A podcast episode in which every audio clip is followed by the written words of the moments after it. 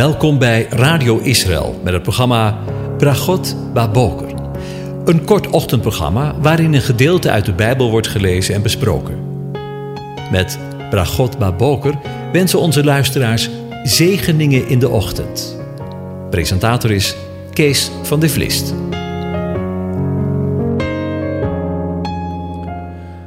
Hartelijk welkom, Bokatov, beste luisteraars. Vanmorgen denken we weer verder na over Psalm 104 en de eerste 13 versen lees ik aan u voor.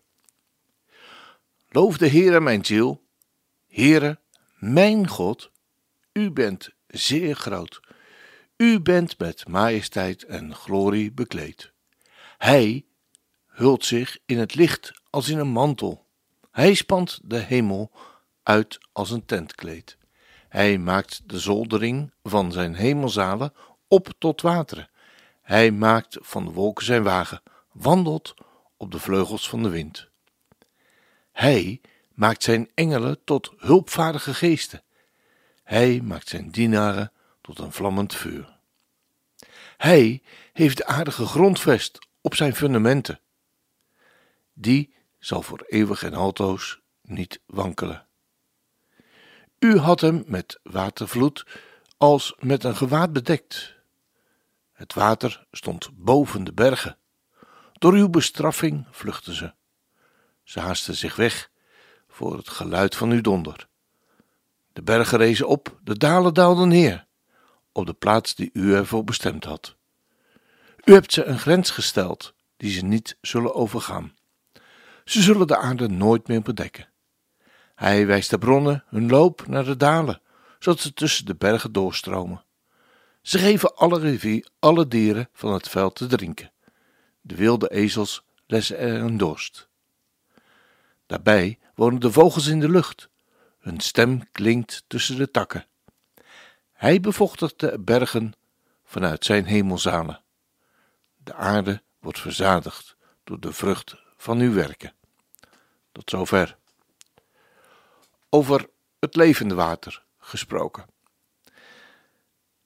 We zeiden het de voorgaande uitzending al. Het water komt direct uit de tegenwoordigheid van God, vanuit zijn hemelzalen, zegt de tekst. En van daaruit bevochtigt hij de bergen, dat de aarde wordt verzadigd door de vrucht van uw werken. Wil zeggen dat de rivieren als vrucht van Gods werk in het geven van regen de aarde verzadigen met water waardoor de aarde vruchtbaar wordt. Door de regen doet God gras groeien voor de dieren, evenals bijvoorbeeld koren als gewas ten dienste van de mens, zegt vers 14. Zo brengt God voor alle schepselen op de aarde voedsel voort uit de aarde.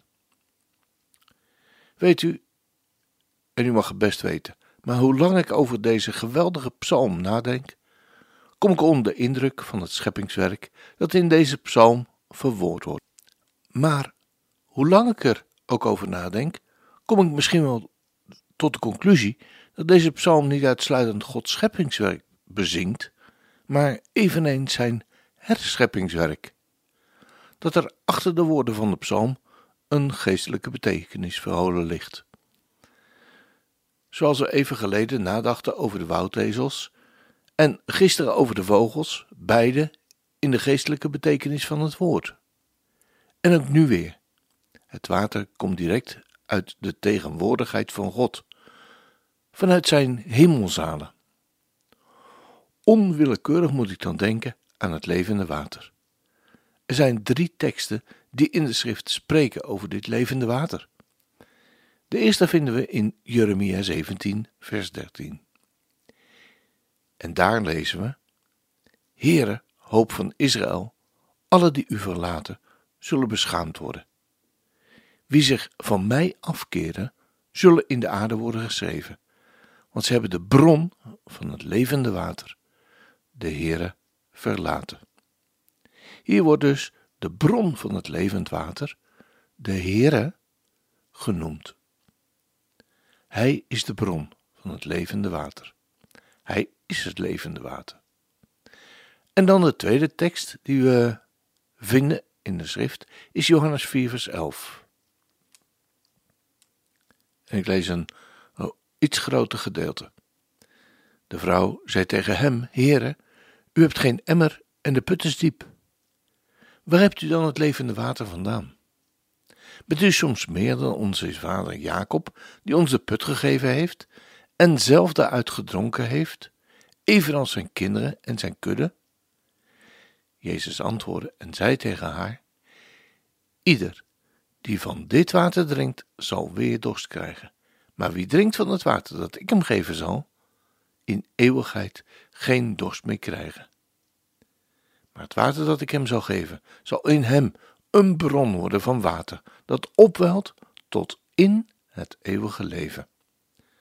En de vrouw zei tegen hem: Heere, geef mij van het water, opdat ik geen dorst meer zal hebben en hier niet meer hoef te komen om te putten. En als laatste lezen we over dit levende water in het indrukwekkende hoofdstuk uit Openbaring 7. En ik zou u willen vragen de woorden eens diep tot u te laten doordringen en u zelf er een voorstelling van te maken van wat zich in deze geschiedenis binnenkort zal plaatsvinden.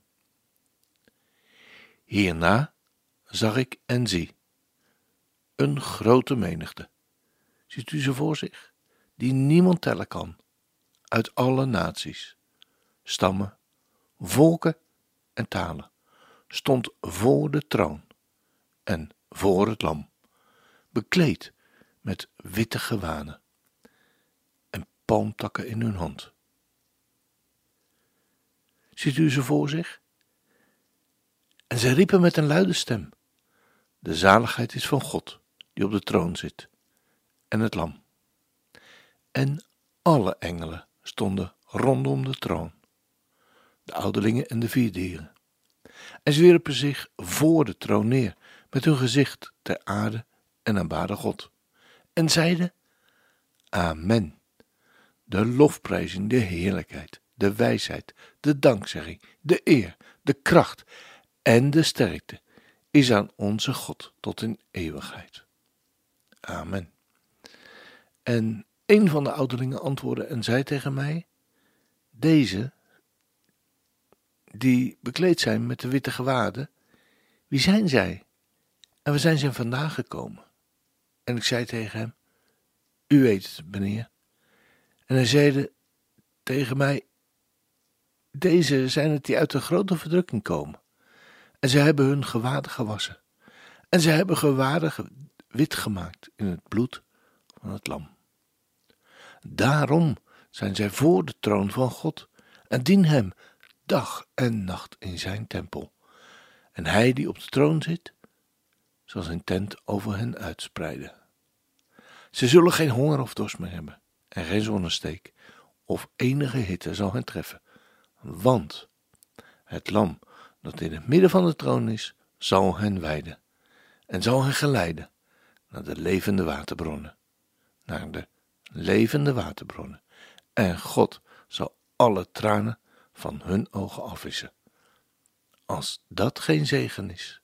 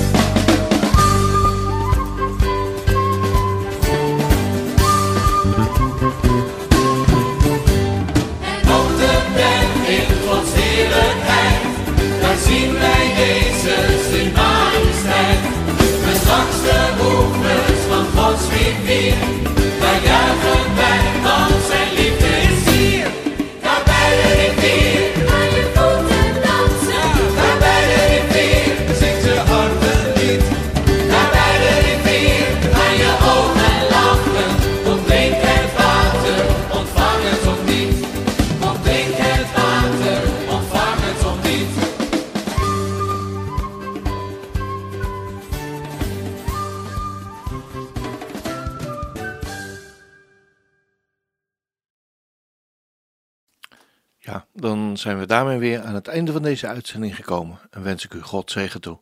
De Heere zegene en hij behoedt u. De Heer doet zijn aangezicht over u lichten en is je genadig.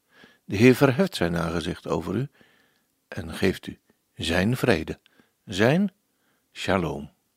Amen.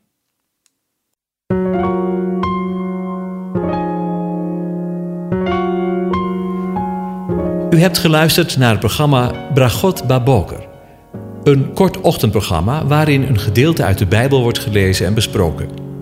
Wilt u het programma nog eens naluisteren, dan kan dat.